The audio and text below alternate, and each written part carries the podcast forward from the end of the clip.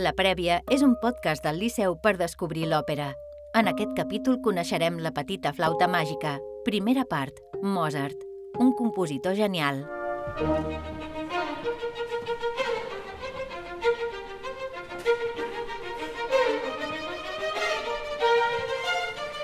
Hola, Ritornello! Quina sorpresa! Estàs escoltant la flauta màgica de Mozart. Sí que t'has tornat un gran fan de l'òpera. Hola, Semifusa. Sí, moltíssim. Fa dies que només escolto òpera. Ara estic obsessionat amb Mozart. A tu t'agrada Mozart? I tant que m'agrada.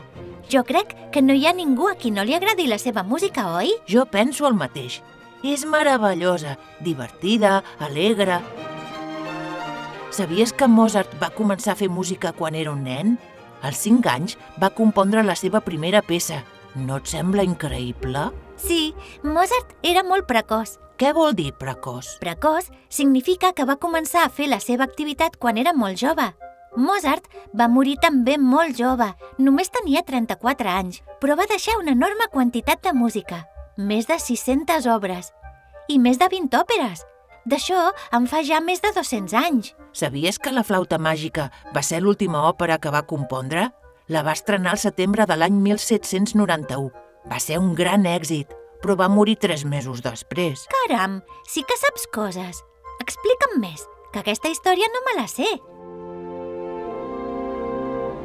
És molt interessant. Mira, durant gairebé tota la seva vida, Mozart va treballar per gent molt poderosa. Escrivia música per a reis, emperadors i fins i tot per al papa de Roma. N'estàs segur d'això del papa? Segur que sí, era boníssim, tothom volia la seva música. Però Mozart estava trist perquè no sempre podia fer el que ell volia. Desitjava ser innovador, fer que la música fos sorprenent i original i que arribés a tothom. I un dia va conèixer un amic seu que es deia... A veure si ho saps. Hmm, doncs no ho sé. Qui era? Es deia Emmanuel Schikaneder. Era cantant d'òpera, amb una veu molt agradable, i també era un empresari que muntava òperes per a tots els públics. Al seu teatre no hi anaven ni els nobles ni els rics, sinó la gent del carrer, que només volia divertir-se amb una música que es pogués cantar, amb trucs escènics espectaculars i amb històries molt emocionants. Mozart era el millor fent melodies. Escolta.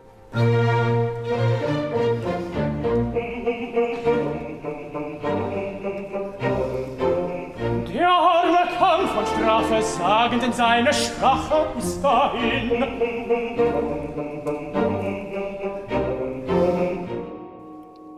Boca tancada? És molt original, no creus? Aquest és en Papageno, un dels personatges de la flauta màgica, i en un moment de l'òpera el castiguen per dir mentides i li tanquen la boca. Llavors ha de cantar així, amb la boca closa. La gent reia molt amb aquestes coses. Que bo!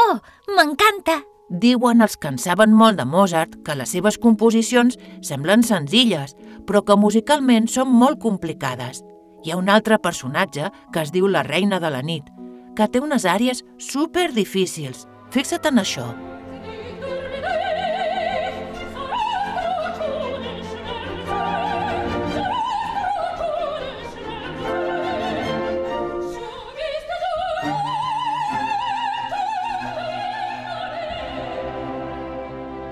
Aquesta ja la coneixia.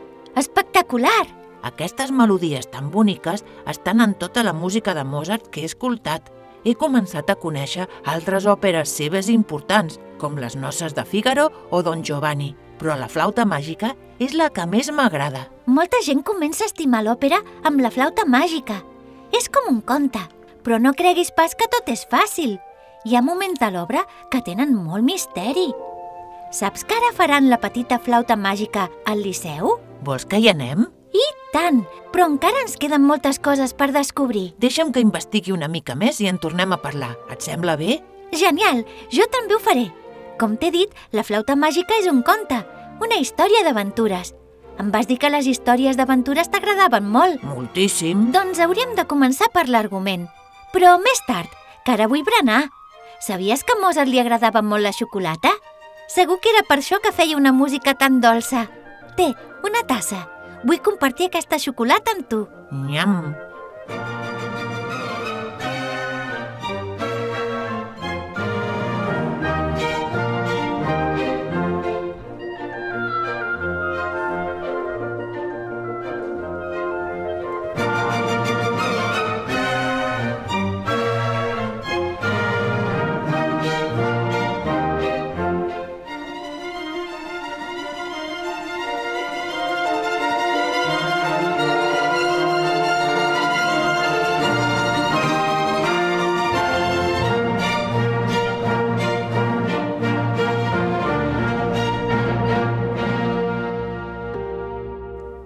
Que és bo, això?